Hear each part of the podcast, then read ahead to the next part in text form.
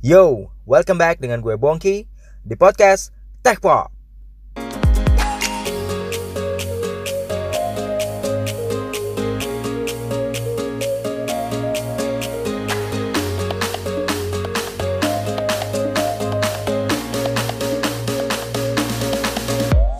Alright, akhirnya berkesempatan lagi untuk rekaman teman-teman Setelah dua minggu um, Episode 7 berumur dua minggu Dan hari ini gue baru rekaman lagi um, Sekarang tanggal 16 So kita mulai episode yang ke-8 dari podcast Tech Pop, oke? Okay?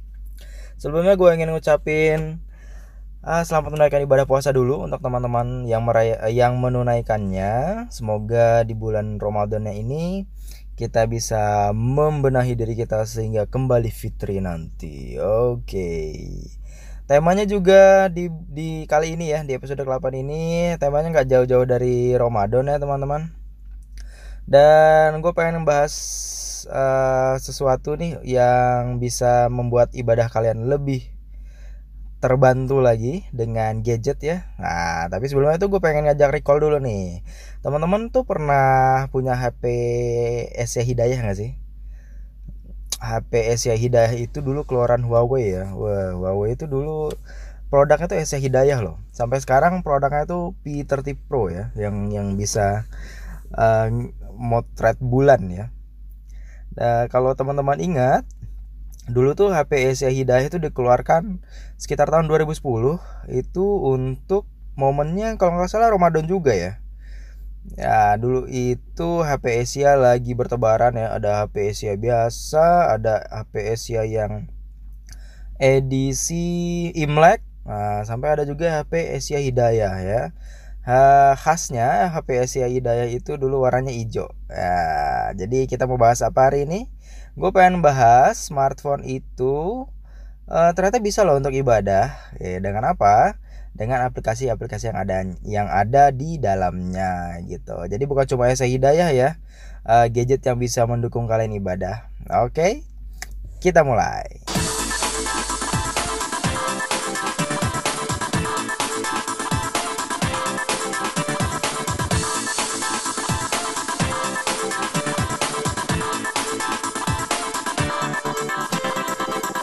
Sebelum kita mulai dengan ngebahas uh, smartphone, kita bernostalgia dulu dengan salah satu gadget yang booming di masanya, apalagi buat teman-teman yang merasa wah butuh bantuan nih untuk beribadah gitu ya. Dulu kita punya Esa Hidayah.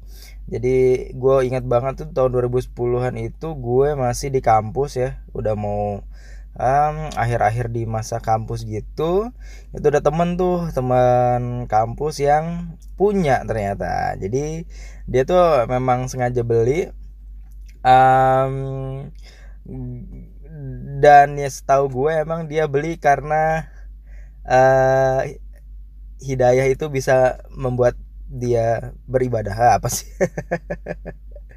Ya dan ternyata di masanya itu itu si HP Huawei SE Hidayah itu dengan warna dominan hijau itu benar-benar uh, di dalamnya itu mempunyai aplikasi-aplikasi yang memang diperuntukkan untuk pengguna-pengguna muslim sehingga bisa mendukung dia ibadah. Jadi um, gue dulu juga pengguna Asia ya tapi bukan Asia yang itu gue Asia yang biasa tapi bedanya adalah kalau di zaman gue itu Asia yang gue punya itu belum berwarna. Sedangkan kalau teman-teman ingat di Asia Hidayah itu um, HP-nya itu sudah berwarna. Itu kalau di zamannya punya handphone dengan layar warnanya 262.000 itu itu udah hebat banget ya. Dan dulu bener-bener bentuknya jadul ya. Bentuknya tuh apa ya kita bilang uh, candy bar ya dulu bentuknya candy bar. Tombol-tombolnya itu belum QWERTY jadi seperti tombol biasa. Dan apalagi ya dulu ada tombol navigasinya gitu. Navigasinya tombol-tombol panah gitu dan ada tombol OK nya itu bentuknya biasa banget dan uh, layarnya kecil banget berapa inch ya? Nggak tahu gue. Tapi itu kecil banget dan benar-benar compact karena bentuknya yaitu yang uh, candy bar ya. Dulu kalau teman-teman ingat di Asia Hidayah itu sudah pakai portnya micro USB ya. Eh portnya USB USB ya belum micro. Portnya tuh masih USB baterai itu tahan lama parah ya. Baterai itu mungkin bisa 5 sampai 5 hari sampai seminggu ya tahannya. Dan dulu masih ada hands free-nya jelas. Dan dulu oh iya itu dulu bisa internet loh kalau teman-teman ingat jadi di Asia Hidayah itu ada fitur Internet Explorer. Tapi kalau dulu kan kita belum ada jual paket data ya. Jadi kalau kita mau akses internet tuh masih pakai pulsa biasa ya. Gitu. Nah gue karena gue inget-inget ya dulu uh, Asia Hidayah itu booming gue sempat nge-recall lagi gue lihat beberapa referensi ternyata bener ya di dalamnya itu bener-bener uh, berisi aplikasi-aplikasi religi ya. Dan ternyata tipenya itu Asia Hidayah yang dulu itu adalah tipe Huawei C5100 gitu. Di dalamnya ada apa? Di dalam itu ada aplikasi Quran uh, hadis itu yang umumnya dipakai orang-orang waktu itu. Dan di dalamnya juga ada micro US uh, micro SD itu ter ter itu kita bisa masuk micro SD gitu. Jadi kalau nggak salah itu di dulu itu di paket penjualannya itu ada handphonenya ada micro US micro SD dan di dalamnya sudah ada fitur-fitur yang islami gitu. Dan um, selain kita bisa baca Quran di situ di situ juga ada beberapa recording recording ngaji gitu deh kalau nggak salah. Dan juga um, ada tafsir ada hadis-hadis ya dan ada Al-Quran elektronik. Jadi di dalamnya itu benar-benar one stop apa ya one stop entertainment ya untuk uh, bukan one stop entertainment juga ya. One stop function deh untuk orang-orang yang uh, religi tadi ya.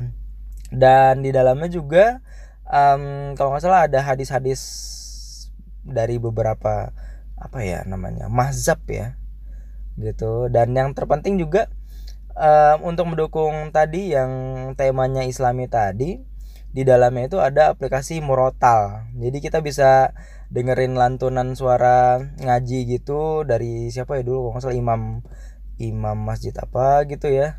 Mungkin imam masjid di Mekah atau di Madinah dan itu udah benar mahraj dan tajwidnya yeah. dah ya ya ya. Yang jadi fitur unggulan itu adalah Asia Hidayah itu um, bisa mengeluarkan suara azan di, di waktunya. Jadi um, suara azannya itu akan akan muncul akan hidup sendiri begitu waktu sholat tiba. Ya dan apalagi di dalamnya gue sambil inget-inget deh. Um, udah bisa internet dulu. Di sana kita uh, bisa browsing walaupun dengan ini yang seadanya ya dengan dengan apa tuh? Dengan layar seadanya dengan warna seadanya kita udah bisa uh, browsing di situ ya. Um, kalau nggak salah udah ada kamera juga deh ya. Udah ada kamera kayak ya gitulah pokoknya. Dan kalau teman-teman pengen membandingkan gue barusan uh, baca-baca juga. Nih kita kita bandingin ya. Um, spesifikasi dari Huawei C5100 atau yang kita kenal sebagai uh, HP Asia Hidayah. Ya dimensinya itu 104 kali 45 kali 15,5 mm bobotnya itu 95 gram bandingin dengan handphone sekarang itu ya Samsung atau Huawei yang yang 6 inch itu bisa hampir 200-an gram ya. Baterai nih, ini ketara banget baterai itu 1050 mAh. Tapi itu bisa tahan hampir seminggu kalau nggak salah deh. Bandingin dengan baterai-baterai handphone sekarang yang bahkan udah sampai 5000 mAh ya. Jaringannya tuh dulu karena pakai Asia, jaringannya tuh CDMA layarnya 262K kalau dulu kita sebutnya ya. Bandingin dengan sekarang oh jauh banget ya. Uh, ukuran juga 1,8 inci. Kalau sekarang itu handphone minimal tuh 5 inci lima setengah inci. Memori internal teman-teman 3,2 megabyte. Oh my god bisa buat apa ya itu kalau sekarang ya? Kameranya juga sudah ada kamera tapi uh, resolusinya itu VGA kameranya. Jadi ini nggak bisa buat motret bulan Huawei nya nggak bisa buat zoom 50 kali. Nggak bisa bokeh nggak bisa uh, night mode ya karena kameranya modalnya VGA uh, eh, tapi di dalamnya itu sudah bisa ada aplikasi seperti Facebook, Friendster, Opera Mini, aplikasi yang pasti ada itu ada Al-Qur'an lengkap 30 juz, ada huruf Latinnya, ada huruf Arabnya, ada terjemahan dan lantunan murotal tadi yang gue bilang, ada aplikasi azan, aplikasi zikir, aplikasi tasbih, dan macam-macam lagi aplikasi Islami yang ada di dalamnya ya. Um, juga sudah ada micro SD. Uh, kalau di ini ya di uh, contekan yang gue baca tuh waktu bicaranya tuh bisa sampai 6 jam, waktu siaga bisa 330 jam. Wah, oh, gila ya kalau handphone dulu-dulu itu benar-benar tahan lama ya. Gitu. Nah, itu sedikit nostalgia dengan Esa Hidayah kalau teman-teman masih ada yang punya wah salut sih gue teman-teman masih bisa pakai itu tapi di zaman yang uh, sudah canggih sekarang uh, handphone handphone seperti itu udah nggak kepake lagi ya kita udah benar-benar pakai handphone yang baterai 5000 mAh 4000 mAh um, layarnya yang 5,5 inci minimal. Bahkan kemarin OnePlus sudah ngeluarin layar yang 6,6 inci. Lalu Huawei yang Mate X itu kalau dibuka ya yang foldable itu bisa berapa inci ya? Wah nggak kebayang ya. Tapi dengan perkembangan zaman yang seperti sekarang bukan berarti uh, smartphone tersebut itu malah mengganggu kalian untuk beribadah. Um, apalagi di bulan Ramadan yang penuh hikmah ini uh, smartphone itu ternyata bisa loh membantu teman-teman untuk lebih giat lagi beribadah. Cara dengan apa? Kita masuk nanti di segmen kedua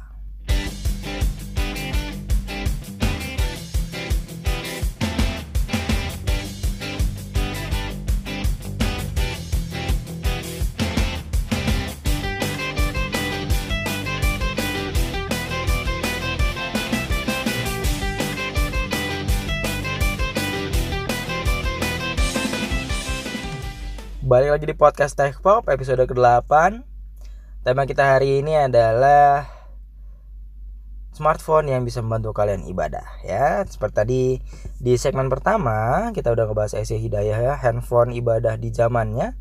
Tapi yang sekarang kita akan bahas Smartphone nih. Nah kalau gue Gue pengen share beberapa aplikasi yang bisa membantu teman-teman untuk beribadah. Jadi smartphone yang kita punya itu bukan justru menjadi distraction saat kita beribadah apalagi di bulan Ramadan ini. Dari yang pertama, ini yang gue pakai sangat-sangat gue pakai teman-teman. Uh, yaitu ada Muslim Pro.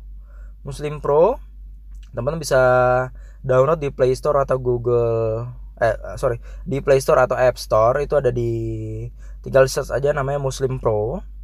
Nah, Muslim Pro ini menurut gue salah satu aplikasi yang sangat populer ya. Karena um, gue sering banget ngeliat teman-teman gue itu emang di handphonenya udah ada Muslim Pro. Penggunaan juga enak banget dan akurat banget juga. Di dalamnya itu uh, banyak banget fitur-fiturnya ya. Jadi kalau lihat di Play Store itu udah berapa banyak download uh, untuk di Muslim Pro sendiri. Dan dia menjadi salah satu aplikasi yang banyak diinstal oleh umat Islam di seluruh dunia. Karena fiturnya tadi banyak teman-teman, tidak sekedar menyajikan uh, informasi jadwal sholat, uh, dia azan, tapi aplikasi ini juga punya beberapa fitur yang lengkap. Contohnya di dalamnya uh, Muslim Pro tadi itu ada Al-Quran. Jadi kita kalau mau baca Al-Quran tinggal open aja appsnya. Itu ada kumpulan-kumpulan doa Lalu buat teman-teman yang bingung dengan arah kiblat itu ada petunjuk kiblat di dalamnya. Ada juga fitur untuk mencari masjid yang terdekat dengan kita dan ini ini yang paling unik sih menurut gue. Uh, fitur untuk tempat mencari makanan halal. Ini sangat berguna banget buat teman-teman yang hobinya mungkin traveling ke berbagai negara ya. eh, nggak uh, cuma di Indonesia kan kalau di Indonesia mungkin makanan halal tuh gampang banget ya yang haram aja gampang apalagi yang halal ya nggak sih nah jadi dalam satu apps ini itu teman-teman bisa banyak banget kalau kita lagi traveling kita bisa cari kiblat di sini kita bisa cari masjid di sini um, bahkan nah, kita itu bisa cari makanan yang halal Nah, itu dia ada beberapa fitur yang ada di Muslim Pro yang menurut gue jadi uh, mungkin yang paling banyak diinstal oleh umat muslim sedunia ya. Nah, tapi ada sayangnya nih. Gue pakai yang gratis kebetulan teman-teman. Kalau yang di versi gratis ini, um, aplikasi Muslim Pro itu banyak iklannya. Banyak banget iklannya ya. Jadi harusnya kalian harus kalau emang gak mau iklan, itu benar-benar download Muslim yang pro pro pro banget ya. Gitu. Nah itu dari uh, aplikasi yang pertama. Sekarang kita masuk ke aplikasi yang kedua yaitu adalah uh, Al-Quran. Ya um, aplikasi ini teman-teman bisa temui juga di Play Store dan juga App Store. Aplikasi ini kurang lebih hampir sama dengan Muslim Pro tapi menurut gue di aplikasi Al-Quran ini lebih apa ya lebih simple. Gitu lebih simpel karena nggak nggak sebanyak uh, fiturnya nggak sebanyak Muslim Pro tadi gitu. Dan nggak terlalu banyak iklan juga di sini ya. Uh, aplikasi ini um, untuk membaca Al-Quran.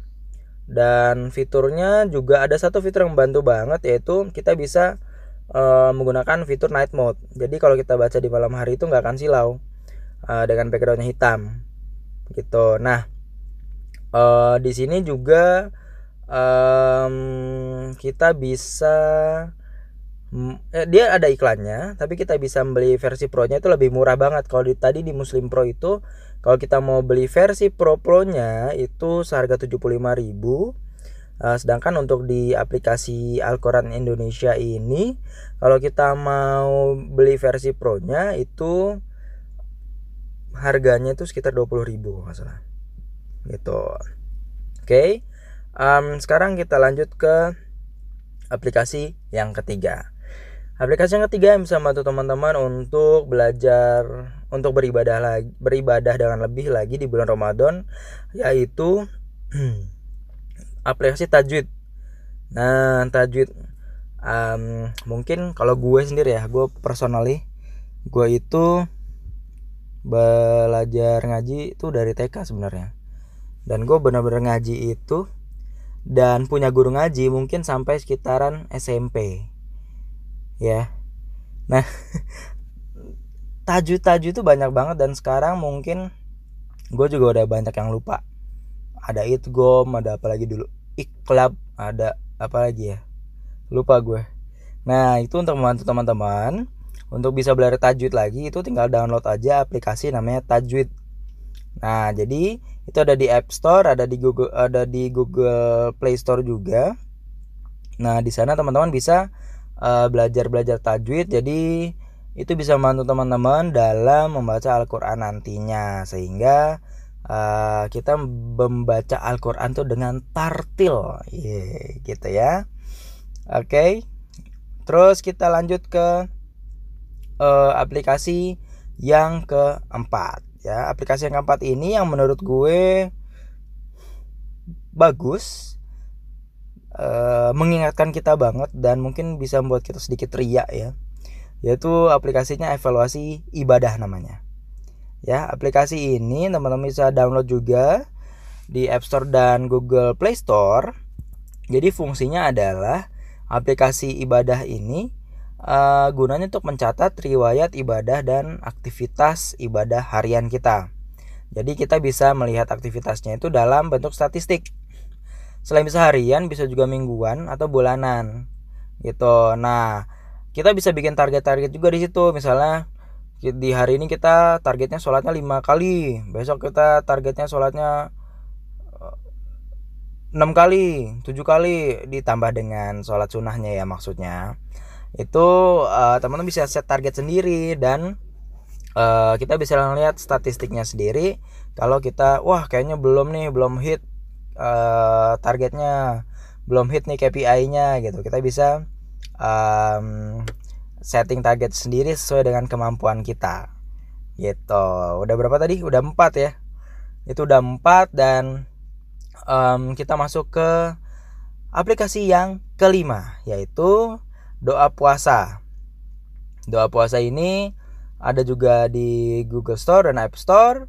Jadi teman-teman bisa install ini dan uh, karena di aplikasi ini menampilkan sejumlah doa-doa untuk di bulan Ramadan ini itu kita bisa temuin doa sahur doa berbuka doa menyambut malam doa untuk iktikaf doa saat kita tarawih doa saat macam-macam deh banyak banget ya dan uh, ini bisa bisa membantu kita. Kalau dulu kan kita belajar doa tuh dari buku kumpulan doa-doa gitu ya. Nah, sekarang udah dibikin lebih digital nih teman-teman. Jadi bisa ngeliat di uh, doa puasa uh, Ramadan yang tadi gitu. Nah, aplikasi yang selanjutnya Wah, ini lumayan untuk lucu-lucuan teman-teman sehingga kita bisa sesuai dengan temanya nih bulan Ramadan yaitu tem uh, aplikasi ini namanya Ramadan Wallpaper. Jadi kita bisa lebih merasakan me, merasakan suasana Ramadan tuh uh, handphone kita tinggal kita pasang uh, wallpaper Ramadan gitu. Oh, jadi wah berasa kita diingetin lah lagi puasa nih. Kita uh, mau minum aduh pas kita buka handphone lagi uh, puasa nih jangan deh lagi Ramadan gitu ya. Jadi bisa membantu kita lebih ambience itu lebih dapet tuh lebih dapat sehingga um, kita benar-benar bisa lagi merasakan keindahan bulan Ramadan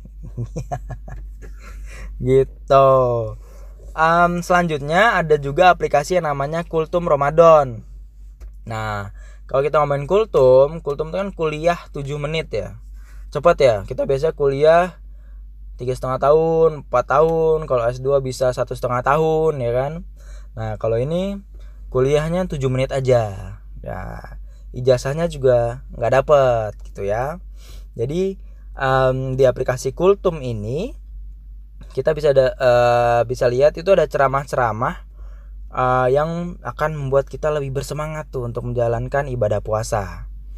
Ya, ya kita bisa menambah ilmu-ilmu kita, kita bisa mempertebal keimanan kita, kita bisa lebih rajin lagi sholatnya kita bisa lebih takwa lagi gitu ya sehingga uh, di aplikasi ini mengingatkan kita lah wah kalau kita ngedengerin ceramah itu kan ada aja temanya ya apalagi seberapa ya setahun terakhir ini tema-tema ceramah itu agak kurang asik menurut gue. Berapa kali gue sholat jumat di masjid tuh tema-temanya tuh waduh nggak jauh-jauh dari copres capres aja ya. Tapi kalau teman-teman mau yang netral tuh bisa download aja aplikasi Kultum Ramadan Insya Allah sih di dalam aplikasi tersebut itu nggak ada ceramah-ceramah yang eh, galak-galak gitu ya.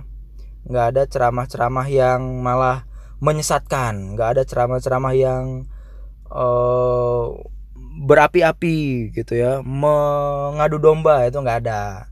Nggak ada ya ceramah yang mendukung salah satu pihak nah itu nggak ada juga. Jadi itu seharusnya murni dan benar-benar netral gitu ya ya teman-teman bisa bisa ngelek kalau pengen ceramah yang netral tadi ada di situ gitu nah lalu aplikasi yang terakhir um, udah 9 ya tadi ya aplikasi yang terakhir ini uh, menurut gue yang penting juga dan ini akan mengembalikan memori kita ke masa lalu menurut gue yaitu aplikasinya itu namanya Kisah Muslim.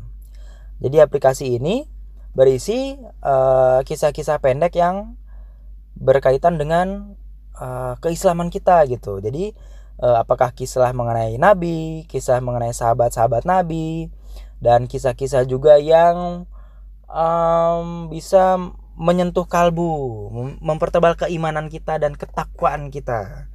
Gitu. Jadi kalau dulu kita dengar-dengar kisah muslim ini dari guru ngaji atau teman-teman di rumah suka diceritain kisah muslim dari orang tua di mana mungkin sekarang agak sulit ya uh, kita bisa mendengar bisa membaca lagi kisah-kisah muslim uh, kalau di pos kota dulu ada kisah muslim itu Abu Nawas ya enggak